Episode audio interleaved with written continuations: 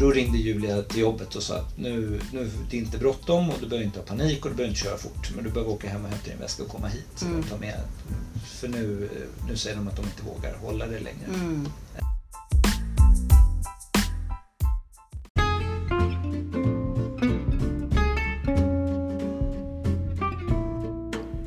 Men hej, där är du ju. Välkommen in till mig. Nu har ju du satt på podden Förlösande samtal med mig Lotta Höckert jag är förlossningsförberedande stöd. I den här podden så möter du mig och mina gäster när vi pratar om eh, graviditeter, förlossningar och eh, föräldraskap. Om du känner ett trängande behov av att komma i kontakt med mig så kommer du efter den här podden att kunna höra var du når mig någonstans. Efter det så kan du kontakta mig hur och när du vill och ställa vilka frågor som helst. Nu börjar i alla fall podden, så nu kör vi! Hej kära lyssnare och välkomna tillbaka till ett helt nytt poddår här med Förlösande samtal-podden. Eh, även ett helt nytt decennium faktiskt, så det är verkligen en nystart på alla möjliga vis.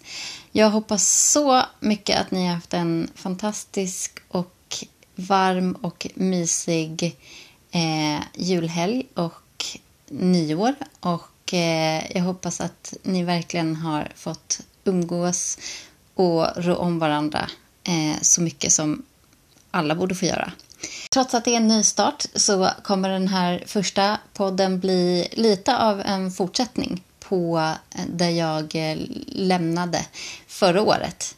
Det är nämligen så att den 15 november förra året så lovade jag att det skulle komma ett specialavsnitt i min serie på tre delar som ska handla om när det inte blir som man har tänkt sig kring då förlossning och eh, graviditeter. Eh, den 15 november var världsprematurdagen och eh, då lovade jag att ett av de här avsnitten i den programserien skulle handla om just när man föder barn för tidigt.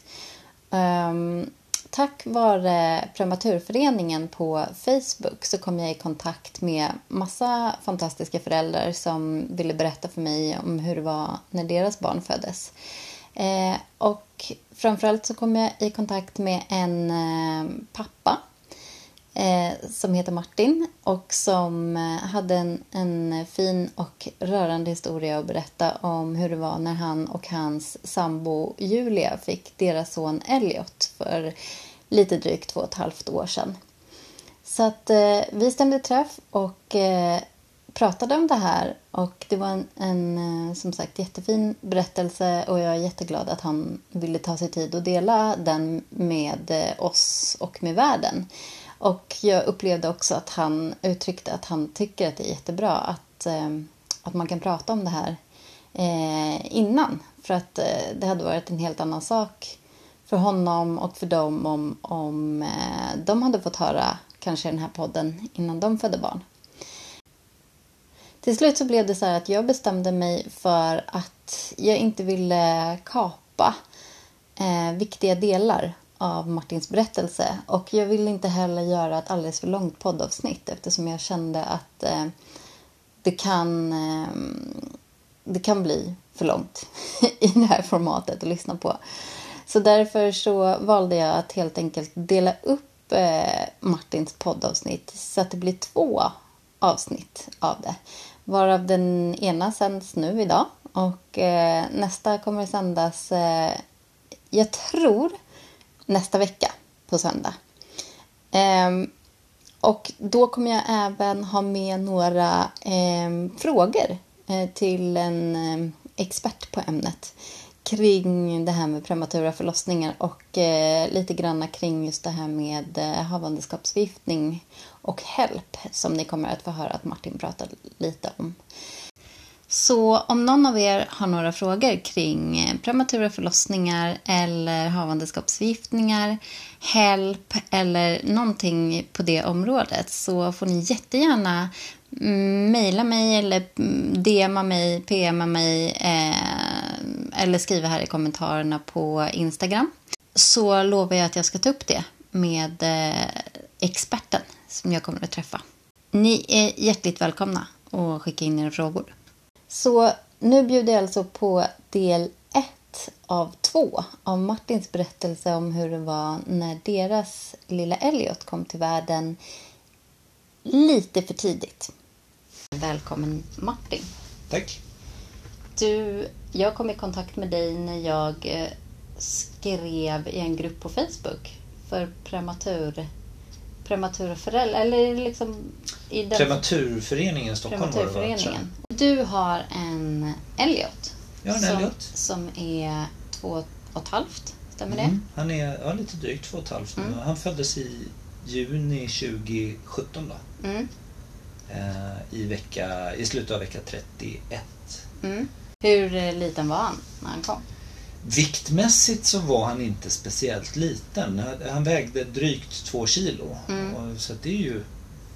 För att vara liten är ju, det är ju fortfarande litet då givetvis. Men, men det är ju inte på något sätt som de här minsta som man kan Nej, se bilder på ibland som är, jag vet inte, ner mot något halvt kilo eller under ett kilo i alla fall. De är ju pyttepytte. Mm. Så han var, var eh, ändå hade vuxit till sig en del. Ehm, och det tror jag var ganska bra för att ehm, det finns liksom när de kommer för tidigt och, och de ändå har lite någon typ av storlek så blir det väldigt mycket saker som blir lättare för dem då givetvis. Mm. Så bland annat så liksom han klarade av att hålla temperaturen väldigt bra. Mm. Eh, och det var, ju, det var ju skönt att han inte behövde brottas med det. Då, liksom. Precis.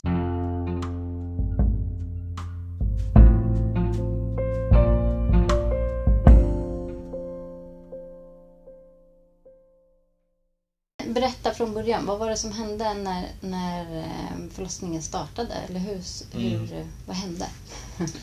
Alltså, det- Alltså, det, är svår, det är svårt det där. Alltså, det blev ju akut till slut. Mm. Så, så då, då får man ju så punktminne. Mm. Så vissa situationer och vissa små tidsepoker kommer man ihåg väldigt, väldigt tydligt. Mm.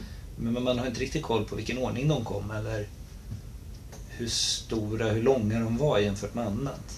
Men, men liksom innan där så, så någon gång, tror att det var någon gång vecka 28-29 kanske i vår graviditet som, ehm, som vi konstaterade att Julie hade en, en havandeskapsförgiftning. Mm. Ehm, och det konstaterades på, jag för mig att det var hennes blodtryck som Mm. man såg det på att det började gå iväg och så undersökte man det så konstaterade man det. Så då satte man in åtgärder med det, då hon blev sjukskriven och, och fick vila och eh, så gick det ett tag till och då satte man in någon medicin och Mm. sen gick det ett tag till och då började Julia binda väldigt mycket vatten helt plötsligt som Mm. gick upp väldigt snabbt i vikt. då. Mm. Och det, nu är inte jag någon läkare på något sätt, men vad jag förstått så är det ett tydligt tecken på att det håller på att accelerera Mm. snabbare än vad man kan hantera. Um, så kommer jag, jag tror att det var en fredag där någon gång runt graviditetsvecka 31, 31 och ett halv någonstans. Så, ehm, så var vi på en undersökning på BVC och då sa de att det är nog bäst när jag åker ut till Danderyd för att kunna ta lite mer avancerade prover. Mm. Och sen fick hon stanna kvar där då. Ehm, och då var det ganska det var ganska fullt, ehm, men Julia fick i alla fall en plats. Och, och, Var det här på sommaren? Ja, det var på sommaren. Det här var i juni. Mm, Ehm, mm. Precis i början av juni. Ehm, Så då hon fick vara där och jag fick åka hem då. Men, men, ehm, för då satte de in blodtryckssänkande i droppformat Mm. på Julia. Ehm, För att få ner hennes blodtryck, vilket det gav med sig. Så det kom ner en hel del. Då. Ehm, Men det fluktuerade väldigt mycket. Så de fick liksom det inte att stabilisera sig ordentligt. Men sen successivt, ett, två dygn senare, så, så sa de att vi vågar inte vi vågar inte hålla på så här längre utan vi, det, det är dags att vi försöker se till att ni blir föräldrar. Mm. Eh, och det var, då var det ja, vecka 31 plus 4-5 någonstans. Kan du minnas om, om direkt när hon kom in sådär att, att någon pratade mer om det? Att det kan bli så här att vi kanske vill försöka... De frågade vid något tillfälle, men känns det okej att du sover hemma och är, Mm. är, är lite på alerten och packar väskan ifall att du behöver komma? Och då tyckte vi var helt okej. Så det fanns där stor grej, någonstans liksom. att det kan hända att, Ja. att förlossningen sätter igång eller att vi vill sätta igång en förlossning. Mm. Eller det, var ni liksom, kändes det som att det, att det var garanterat att så här, det här barnet kommer inte gå helt fullgången? Nej, men det eller? kände vi nog aldrig. Jag tror att vi hela tiden faktiskt trodde att vi skulle komma hem igen. Okej. Ehm, men någonstans där på den resan, jag kan inte komma ihåg när exakt, men så började du ändå prata om det där tror jag. För att jag kommer ihåg att vi skrattade åt att det var väl 17 att vi inte kunde passera vecka 32. Mm. För då hade vi Ja, då hade vi knappt varit för, tidigt, för tidiga liksom, tyckte vi då. Men vi var väldigt lugna där. Mm. Det var liksom ingen, det var ingen fara alls. Just det. Och hur kändes det sen då när, när det blev aktuellt att nej, det kommer inte gå över vecka 32 exakt? Ja, nej men då, och det var väl fortfarande ganska lugnt och då var det, då var det ju ändå så att då blev vi flyttade ifrån den här eh, städskrubben då, eller det var ju inte en städsgrupp, men det lilla rummet där vi delade med andra. Mm. Ehm, så då, ehm, eh, då kom jag ihåg att då ringde, det måste varit en måndag, för det var efter den där helgen. Så ringde, då ringde Julia till jobbet och sa att nu, nu det är inte bråttom och du behöver inte ha panik och du behöver inte köra fort. Men du behöver åka hem och hämta din väska och komma hit. Mm. Och ta med, för nu, nu säger de att de inte vågar hålla det längre. Mm. Ehm, så åkte jag dit och då fick vi ett rum och det här var på BB Stockholm då på, på Danderyd. Ehm, och då var det, vi var ju jättenervösa, jättespända. Men det var ju fortfarande, vi trodde fortfarande att vi skulle ha normal förlossning. Mm. Ehm, så att jag kommer ihåg, jag åkte dit så fort jag kunde och eh, fällde upp min dator i BB-rummet och såg till att liksom initiera, vi hade pratat igenom på jobbet vilka jag skulle lämna över till och så vidare. Mm. Så då liksom, för jag hade en, en chefsposition på den tiden, det var ganska mycket folk i min organisation. Så det var någon som behövde ta hand om den organisationen. Mm. Så, att- så att det var ju väldigt lugnt för att annars hade ju inte gjort det. Prioritering är ju jätteenkel. Mm. Behöver du lägga bort jobbet Just för att någon, det, du ska ha barn, då gör du det. Precis. Men här fanns det ju tid så jag kommer ihåg att jag satt och ringde i ett hörn och sådär. Mm. Och sen sa vi då och pratade igenom det med barnmorskor och så vidare som var runt omkring oss och de sa det är inga problem, sitt där du och prata. Mm. Ehm, och sen då successivt så, ehm, så, så, liksom, så kom det ju igång och det var dags då. Ehm, De startade alltså förlossningen, försökte få i- starta igång en förlossning via, Ja, antar jag, att de fick lite så här, någon medicin i munnen då? eller? nej, inte medicinmässigt Nej. startade vi inte förlossningen Nej. utan vi startade, alltså mekaniskt kan man väl göra saker. Ehm, Ja. tror jag. Återigen, minnet är suddigt. Det beror lite på hur, om hon, om kroppen hade startat igång en förlossning av sig själv, vilket jag antar att den kanske inte hade. Jo, men det hade det nog gjort. Det hade Hade- börjat tecken på vissa saker då, som hade börjat komma igång. Ja. Gud, Ja, då kan man ju kanske den faktiskt ta riktigt. hål på, på hinnorna och ta vatten, så att vattnet går och Mm. sådär. Så kan man göra. Men de ville i alla fall starta upp så att det blev en vaginal förlossning. Exakt, och Eller- vi det ville- inget planerat vi- snitt eller så. Utan, Nej, vi Nej. vill och vi ville gärna eh, föda vaginalt. Då. mm, och sen, men sen då så kom det igång. Julia hade väl liksom verkar och så vidare till viss, till viss del då, men ehm, kämpade lite grann. Och sen under den här processen då så blev det, så blev det väldigt akut. Mm. Ehm, så, med eh, Elliot eller med Julia. Ja, och det var det som... Det hände väldigt mycket saker på en och samma gång. Jag kommer ihåg att Julia var, Julia var på toa och sen svimmade hon på toan. Mhm. Ehm, och då, var det, då blev det fullt pådrag. Mm. Och sen började hon blöda ganska rejält. Då. Ehm, Mm. Så då, då var det fullt pådrag och man, man såg att Elliot inte mådde bra. Mm. Av Mm. någon anledning. Mm. Och framförallt så såg man att Julia mådde väldigt dåligt. Mm. Eh, För hennes blodtryck var då så högt att funderade på om hon skulle explodera. Men Mm. Jag som satt bredvid och inte kan någonting om det där egentligen, men när jag såg siffrorna på blodtryck så förstod jag att det här, det, det här är på väg att gå riktigt dåligt. Liksom. Mm. Ehm, och då hade vi ändå strax innan det så hade då överläkaren, någon överläkare där hade pratat med oss och sagt att stor sannolikhet så kommer det bli ett kejsarsnitt för att vi, vi, det kommer inte igång som det ska och det är ju inte oväntat eftersom vi var så tidiga som vi var. Så då planerade de, då ringde de ner till operation och sa att Nej, men vi har en tid och det är någon före och liksom lite sådär pratade de med oss om. Mm. Men när det här hände så var det ingen före då helt Nej, plötsligt. Då, Nej. då ringde de när vi var i korridoren på vägen ner och sa att vi kommer på en gång, nu Mm. behöver vi göra det redo.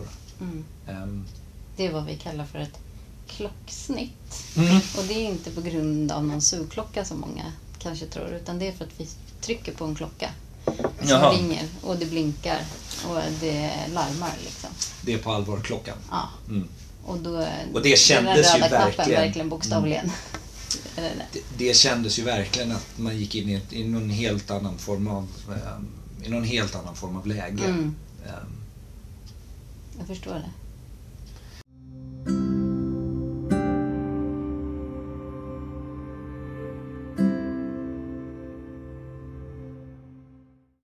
Imponerande att se maskineriet bakom när det blir akut Mm. på ett sjukhus. Mm. Även om det var ju, ingen, det var ju förstås inte, det var ju både chockerande och, och jobbigt liksom. Men, Mm. men samtidigt så gick det med en jäkla rulle liksom. Ehm, Men så då la man spinalbedövning så Julia var vaken. Ehm, och fullkomligt livrädd. Liksom. Eh, så så hon, var ju, hon var ju rädd för sitt liv. Hon sa ju flera gånger ehm, för hon började skaka väldigt, väldigt Mm. mycket. Ehm, och hon trodde ju att hon var på gång att dö. Så det var ju det var ju oerhört jobbigt för henne och väldigt, väldigt jobbigt att stå bredvid och försöka. Mm. För jag stod ju vid hennes huvud hela tiden och försöka Mm. hålla henne lugn. Ja. Julie är en väldigt stark känslomänniska. Mm. Så hon var ju väldigt, väldigt, väldigt ledsen, uppstressad, rädd. Så. Jag är ju ehm, mycket mer sån här informationsmänniska och när jag hamnar i paniksituationer så blir jag väldigt, väldigt lugn istället. Så jag stänger av varenda känsla som finns i hela kroppen. Mm. Sen kan man ju prata om det är bra eller dåligt då för all del. Men, ehm, Vågar du säga ifall det var så att du också tänkte att tänk om hon dör? just där och då fanns inte de tankarna. Nej. Det, det fanns inte vad händer om Nej. överhuvudtaget utan det var här och nu fokusera på uppgiften. Mm. Och det enda du behöver göra är att se till att vara lugn och, och allt som Julia plockar upp, se till att trubba av, förstärk det positiva och trubba av det negativa. Mm. Det, var, det var nog det enda, enda, enda som rörde sig i huvudet. Mm. Så jag, jag upplevde att jag var, väl, jag var väldigt, väldigt klar. Ehm, jag kände mig väldigt trygg också.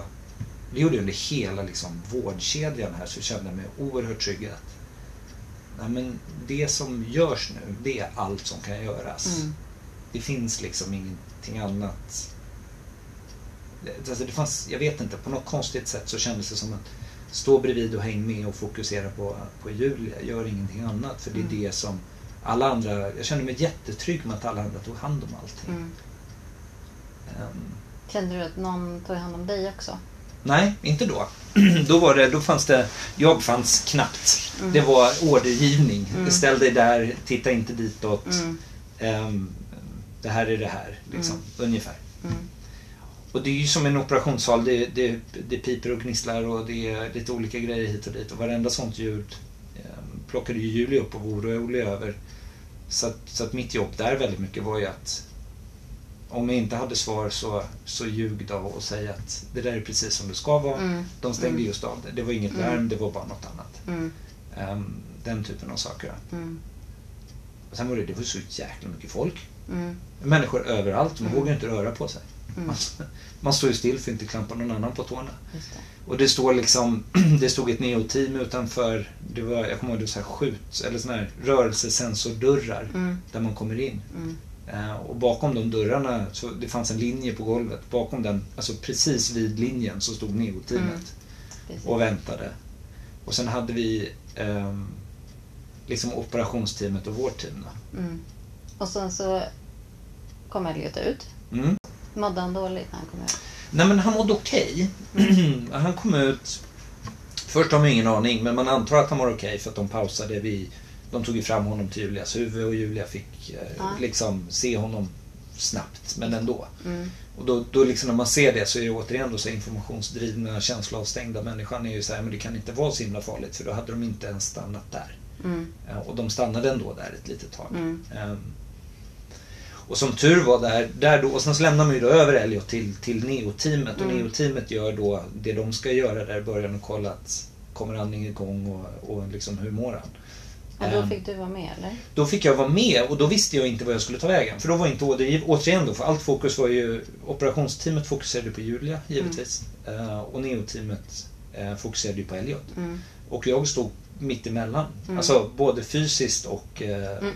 både fysiskt och, och liksom bildligt. Ja. Ja. Så, att, så att jag, jag stod på den här linjen mellan Mm. rummen och Mm. visste inte, ska jag hit eller dit? Mm. Och eh, försökte prata med Julia om vad jag såg med Neo- Neo-teamet. Eh, så det var där, där någonstans började jag känna att jag var väldigt, så här, väldigt stressad och villrådig. Och då var jag tacksam för jag och Julia hade pratat igenom innan någon gång. Vad händer om? Så här, vad händer Mm. om det går åt pipan? Vad Mm. väljer jag när jag står där? Mm. Ehm, och Julia har, hon, hon hade alltid varit, hon har varit supertydlig. Så här, du väljer inte mig, du väljer Mm. Elliot. Mm. Ehm, och det var jäkligt bra där och då. Mm. För att annars så vet jag inte vad jag hade, faktiskt vad jag hade riktigt hur jag hade gjort. Mm.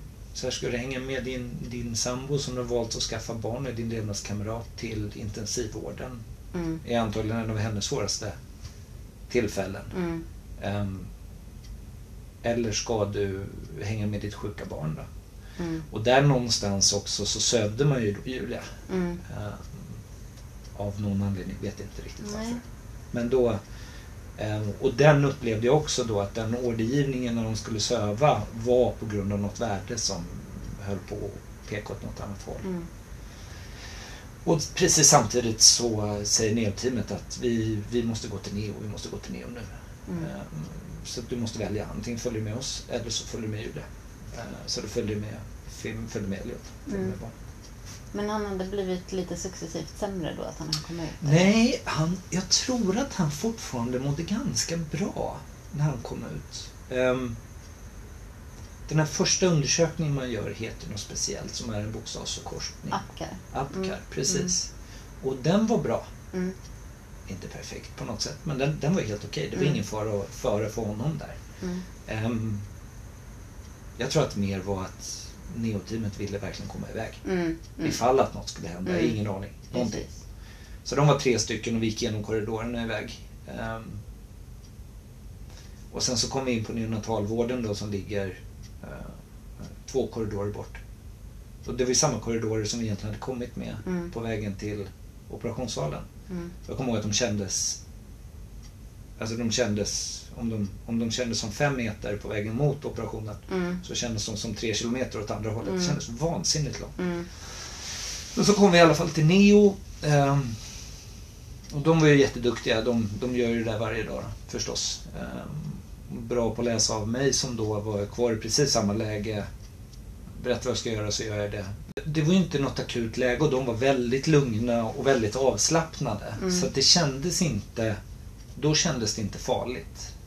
Ehm, så jag vet inte, jag slappnade av lite grann också. Jag kommer ihåg, vi kom in på, på neonatalen på Danderyd, det ser säkert likadant ut på massa andra ställen. Så har man akutrum, tror jag man kallar dem för. Och i mitten av det rummet kan man säga så är det liksom som en kontrollstation med personal.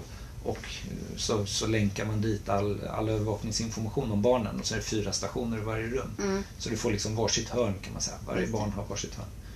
Ehm, och i ett av de hörnen då så blev, blev vi tilldelade i ett sånt rum. Mm. Och då finns det jättesköna fåtöljer. Eh, Så där så, dit blev jag beordrad att sätta mig ner och så säger vi kommer med Elliot. Så, så ta det Mm. lugnt. Och då kommer ju frågorna givetvis. Mår han bra? Mm. När man Eh, blir liksom. sittande sådär. Ja men så fort man satte sig ner Ja. för då Mm. insåg man att nu, nu går vi in i något annat typ av läge. Mm. Och då sa de, han mår bra, det är ingen fara, vi ska, måste börja lite tester på honom. Eller liksom, ska kolla några grejer, så kommer kommer med honom. Mm. Ja. Och sen har jag faktiskt ingen aning vad som hände där. Men sen kommer ju de med Elliot efter ett tag. Mm. Och då mådde han ja, alltså rimligt bra.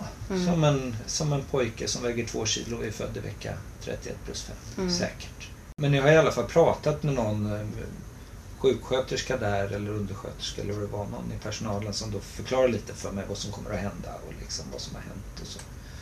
Och sen sa de också att en av de sakerna som, alltså det kommer vara jättetydligt att prata om, för det hade jag aldrig hört tidigare, det var ju också det här att det är väldigt viktigt med hud mot hud Mm. med framförallt små bebisar men alla bebisar. Mm. Ehm, Som sa att du kommer själv vara ansvarig för vården av ditt barn. Mm. Och det var ju jätteläskigt när de sa det. Mm. Men sen fattade man ju successivt vad det innebär. Och när hon då kom så sa de så att ja, men ditt första del i vårdkedjan här nu det är att du ska ta ditt barn och lägga honom liksom på famnen. Mm. Så då, hade ju, ja, då var ju ombyten klar så då måste jag ha man hade någon sån här sj- sjukhusrock på sig Mm. liksom och så. Så då fick ju Elliot på famnen. Mm.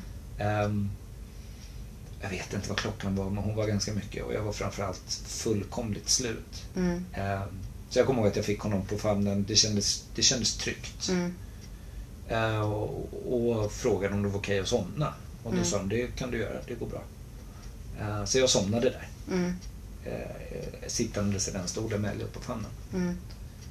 Mm. Eh, sen vet jag inte, jag, jag vet inte hur länge jag sov. Det kan ha varit fem minuter, det kan ha varit några timmar. Men Mm. jag tror att det var några timmar. Mm. Någon timme, två timmar kanske. Och då väcker de mig och frågar hur länge jag har sovit. Mm. Och då säger jag, jag tror att ni har bättre koll på det än vad jag har. Mm. Eh, Då sa han så här, "Ja, men okej, har, du, s- har dina ben somnat? Eller liksom, kan du ställa dig upp? Nej, men jag kan nog stå. Hur så? "Nej, men du måste komma med nu för att Elliots värden är inget bra. Mm. Och det var ju där då som det började gå sämre. Mm.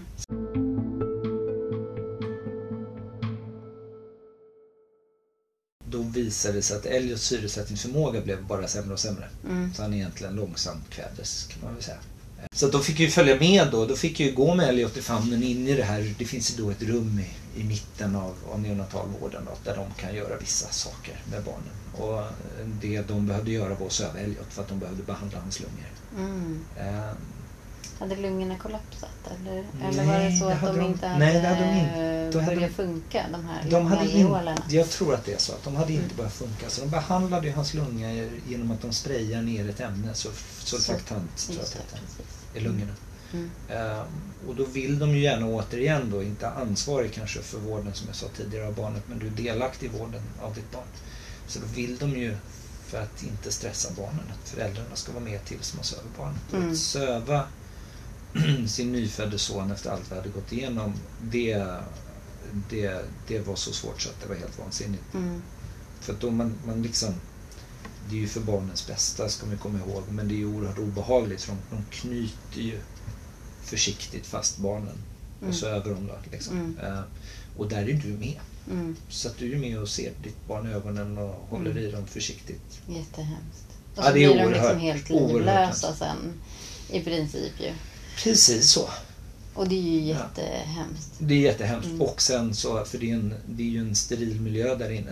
Eh, Mm. Så de vill ju få ut dig också så fort som möjligt Mm. ur den där miljön. Så att du är med till dess och sen blir du lite bryskt Mm. vallad därifrån. Ja. Och helt ensam. Jo, så det hade du en, det- en, ja. en person som ligger på intensiven och Ja, en person som precis. ligger på neo Mm. nedsatt. Och det var väl egentligen, jag kommer inte ihåg om det var där eller inte, men jag kommer ihåg att jag frågade då ehm, om jag, frå- att jag frågade efter vad jag, Då när jag kom ut och satt i korridoren, jag kommer ihåg att jag satte mig ner på en bänk och började gråta ute i korridoren. Och då kom det fram en, en i personalen och frågade om jag var okej. liksom. Mm. Och då sa jag att ja, nej, men det är okej. Och då frågade hon sig, men var är din, var är din fru, var är din sambo, var är mamman till Ja. barnet någonstans där? Och sa jag, men det, det är nog bättre om du svarar på det. Det undrar jag också. Vi skildes utanför Ja. operationssalen. Ja. Då sa han, men det ska vi givetvis försöka ta reda på. Mm. Ehm, för jag frågade också hur, hur lång tid brukar det ta? Så Julia borde ha varit här. Mm. Ehm, och så då insåg jag att det där var ju, det var nog inte helt bra där heller. Nej. Så att, ehm, nej men så då, då visade det sig, Julia hade ju då sövt, så, så hade de ju skickat henne till intensiven och sen så Elliot sövd. och och då, då, då så kom de tillbaka och sa, men Julia är på intensivvården. ehm, du, du får inte träffa henne just nu. För jag sa, men då går jag över dit nu för att Elliot sover ju. Mm. Ja, men du får inte träffa henne just nu. Nej, okej. När får jag göra det då? Ja, och så kom alla de där frågorna. Ehm, och då var klockan, jag vet inte, totalt mitt i natten. Mm. Ehm, så att det, det enda som fanns att göra det var ju att gå tillbaks till rummet och liksom ja, försöka vila. Mm. Men du, när det här hände då, hade du kontakt med någon anhörig? Några liksom familj, vänner, kollegor? Jag kommer inte ihåg där i början hur det var. Nå, någonstans på, ja, inom första dygnet från, att, från operationen så var det så här, gud jag måste, ju, jag måste ju berätta för omvärlden att det gick inte riktigt som det var tänkt. Ehm. Men jag kommer ihåg att jag, eh, återigen, den här, man kan, ibland så kan man undra hur man själv fungerar. Men, eh, för jag kommer ihåg att så här, rent praktiskt, jag, jag orkar inte kommunicera med världen. Ehm, jag gör en WhatsApp-grupp för, eh, för familjen och så Mm. skickar jag meddelanden till den gruppen och ingen Mm. annanstans. Mm. Och sen så skickade jag, första meddelandet var att saker och ting har inte gått som det ska. Eh, jag tror vi är okej, okay, men jag vet inte riktigt. Jag får skicka mer information sen. Bjud in dem som ni tycker ska vara med i gruppen. Mm. Här, liksom. mm.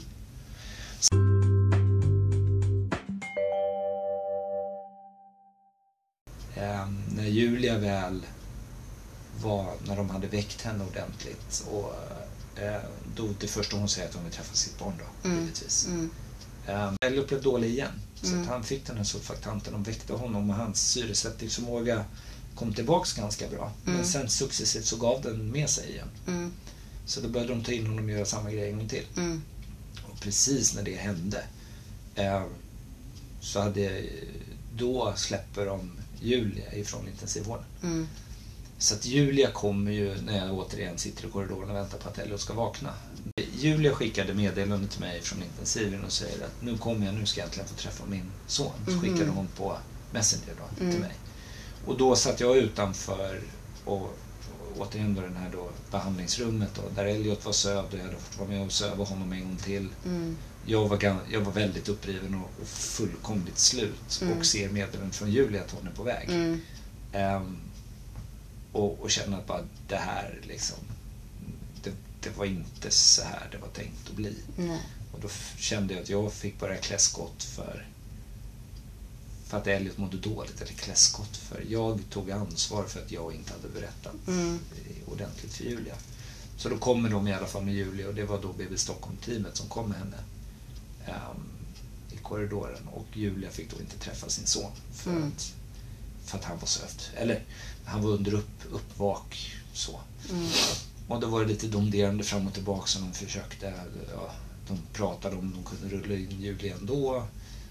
Och, jag kommer ihåg att jag tog dem åt sidan och sa att om Elliot är sövd så ska inte Julia träffa henne för att det kommer bara sluta illa. Mm. Um, så det där var ju, det där var ju jätte, jättejobbigt och Julia var oerhört uppriven. Um, men sen då när de började rulla iväg Julia i korridoren så kom då Ehm, en av läkarna på det och sa att eh, Elliot är inte vaken. Men jag vill att ni kommer in och träffar honom. Mm. Ehm, så då låg ju han och sov på, på ett bord där de hade behandlat honom. Då. Mm. Ehm, och, och, det var ju då, så rullar de in, ja, för den, den som varit på sjukhus, de här sängarna de rullar runt på är mm. ju väldigt liksom stora och bulkiga. De här Svårkörda är de också. Ja, det är som precis. värsta sortens varuvagn. Och den där skulle de då baxa in i det här rummet som var ganska litet och trångt och det var, ja, jag vet inte, det är ju en steril miljö eller hyfsat steril, det är väl inte som ett operationsrum då men eh, och de körde in i saker och alla möjliga grejer men till slut så lyckades de få fram Julias liksom ansikte och ena arm då i närheten av Elliot och Julia skulle försöka resa sig upp och, och hon, ja, precis kommit från en operation så mm. det är mm. klart att hon inte fick göra det. Och så. Eh, men där fick de träffas första gången. Mm. Eh, en kortis. Och sen körde de iväg Julia då upp till BB eh, Stockholm. Ja, då, hon, då var ju hon utom, alltså, utom fara. Mm. Då var det i alla fall de behövde hålla koll på henne ordentligt. Men det var mm. liksom, hon hade ju blivit utsläppt från intensiven och var på väg upp till BB Stockholm. Mm. Så, så farligt kunde det inte vara. Då. Det. Så rullade de iväg med henne mm. och jag stannade kvar på Nera. Mm. Så det är så här, en av de här punktminnena var just det, för det blev så oerhört starkt också när, när Julia fick träffa Elias första gången. Mm. Eller ja, de träffades ju efter vid operationen där mm. givetvis, men då var det ju så mm. kaotiskt, men på riktigt. Då.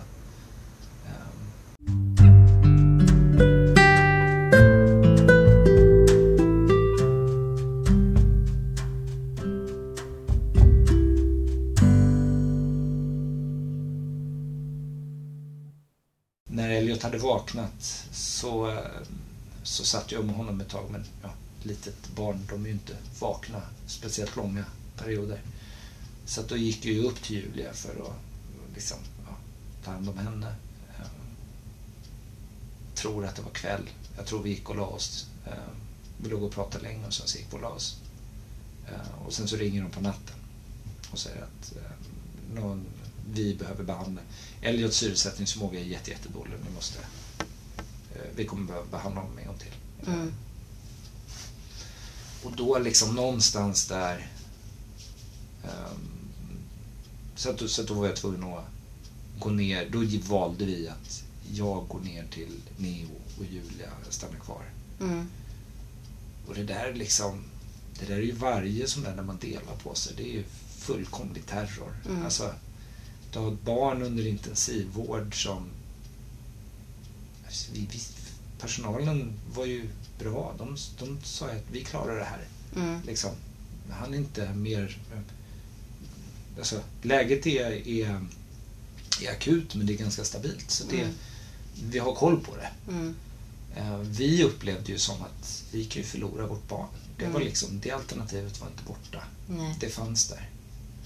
Och sen då skulle man springa ut och in ur rum som någon typ av dålig fars på TV. Mm. Liksom. Det kändes så. att så här, Jag var Mm. tvungen att springa till Julia här och så försöka, försöka vara stark och försöka trösta henne när hon Mm. var oerhört uppvriden och ledsen.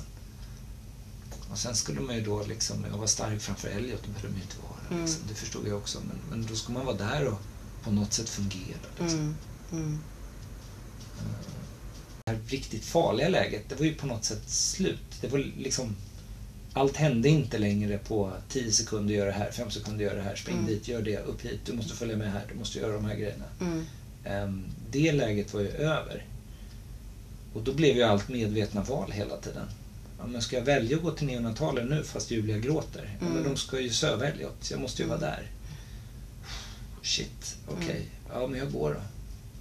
Du, försök ta det lugnt. Kan du inte prata med någon om du behöver det? Mm. Och så får man lämna det där och så får man gå. Mm. Och det, det, det var ju... Det var ju jätte, det var jätte, jättejobbigt. Jätte, jättesvårt att göra de valen. Mm. Eh, Och det kommer jag ihåg att jag verkligen jag upplevde det som medvetna val.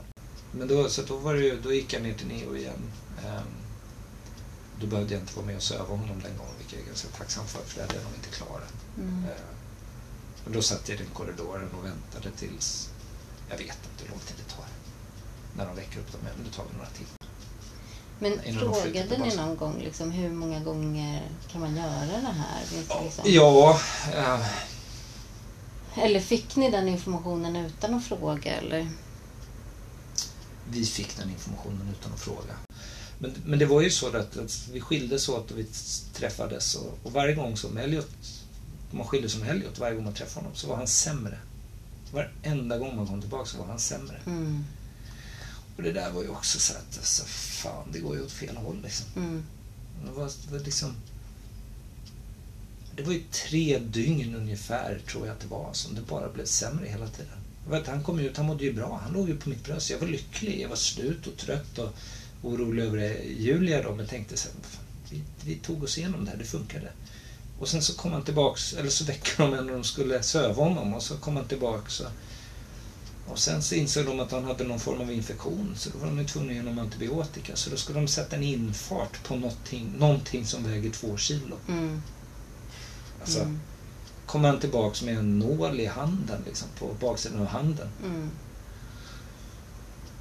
Och sen så, liksom, så, så blev han ju sövd nästa gång. Så kom han tillbaks igen. Och så, då hade han ju någon infart i naveln. Mm. För då liksom, det var för svårt att sätta den i handen och Mm. de kunde sätta i pannan. Men det ser, så, det ser ännu mer liksom, jobbigt ut för föräldrarna. Mm.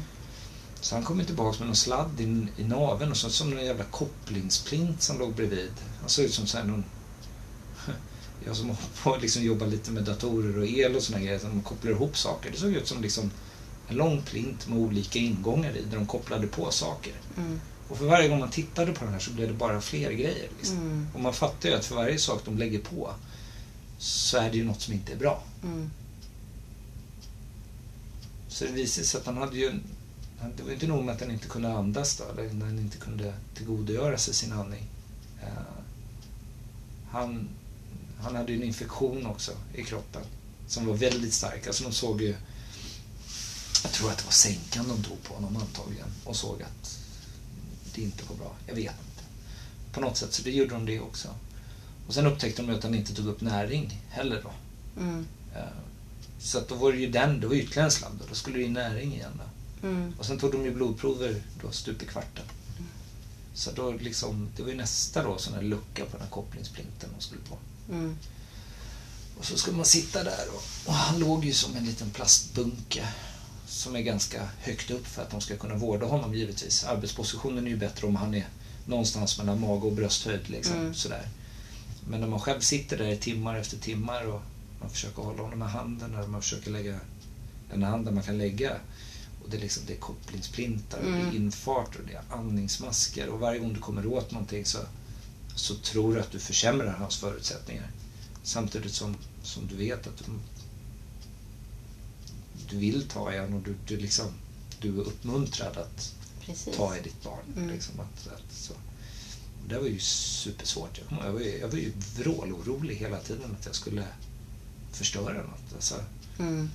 Alla föräldrar blir oroliga att hålla i sina små barn. Mm. Liksom, de är så små. Och här är det ännu mindre. Liksom. Mm. Och massa sladdar. Precis. Självklart.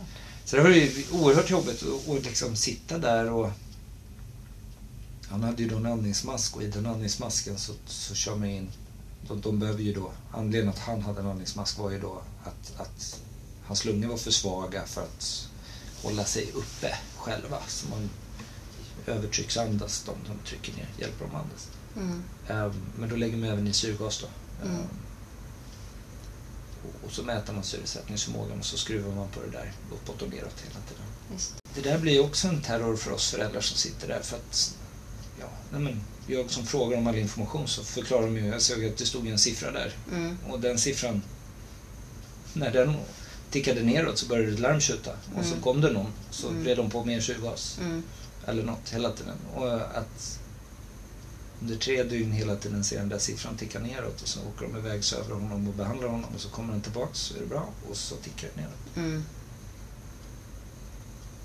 Det var ju det som var grejen att vi, när vi kom in på tredje dygnet och, och eh, för någon som inte har sett det där eh, så är det så att de barnen som har problem med andning de andas ju oerhört snabbt. Mm.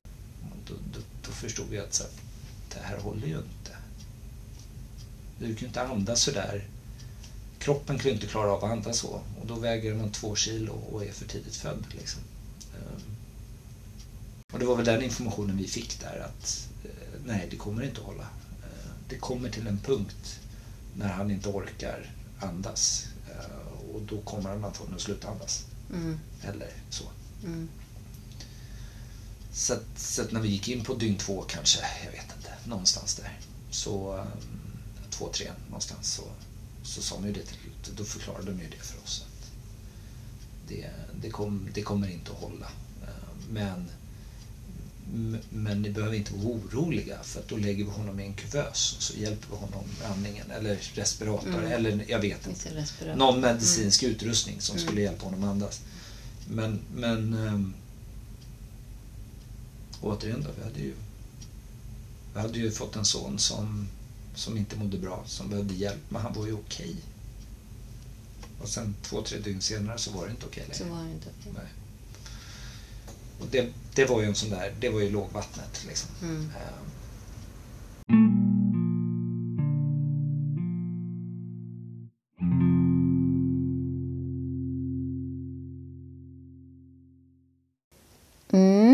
Lämnar Jag alltså med hjärtat i halsgropen. Jag hoppas att ni vill lyssna på nästa veckas eh, fortsättning av Martins eh, känslosamma berättelse. Eh, och även då, som sagt, när det kommer lite expertfrågor till en läkare som jag kommer ha med. Jag påminner återigen, ni får jättegärna skicka in frågor kring det här ämnet som ni vill att jag tar upp. Och sen vill jag också passa på att säga till alla er som har varit med om en jobbig förlossning. Och det behöver inte handla om en prematur förlossning. Utan en jobbig förlossning eh, och som känner att ni har inte riktigt bearbetat klart det där. Att det kanske är så att det står någonting i vägen för att ni ska våga eller vilja eller kunna känna mod att skaffa barn igen. Så ni är hemskt välkomna att kontakta mig och anlita mig. Därför att det är en del av det jag kan erbjuda er. Är att gå igenom det som hände förra gången och bygga upp det eh, självförtroendet och den tilliten till att det kommer gå bra nästa gång. Eh, så jag finns där vid er sida och hjälper er. Och hör jättegärna av er till mig ifall det skulle vara så att ni behöver och vill ha den hjälpen. Men tills nästa vecka i alla fall så ha jättefint och ta hand om varandra och ta hand om dig.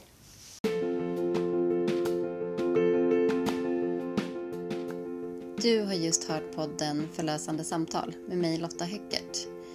Jag är ditt förlossningsförberedande stöd och om du behöver komma i kontakt med mig så når du mig antingen via Facebook-sidan Förlossningsförberedande stöd och förlossningsfotograf Lotta Höckert. På Instagram heter jag förlossningsförberedande understreck stöd Lotta Höckert utan några prickar. Och på eh, min hemsida som är www.förlossningsförberedandestöd.se utan prickar där också. Där kan du hitta alla kontaktuppgifter som du behöver till mig. Där kan du även läsa på mer om vad jag kan göra för er och beställa mina tjänster online. Hjärtligt välkomna att titta in. Tack för att ni lyssnade och ta hand om er.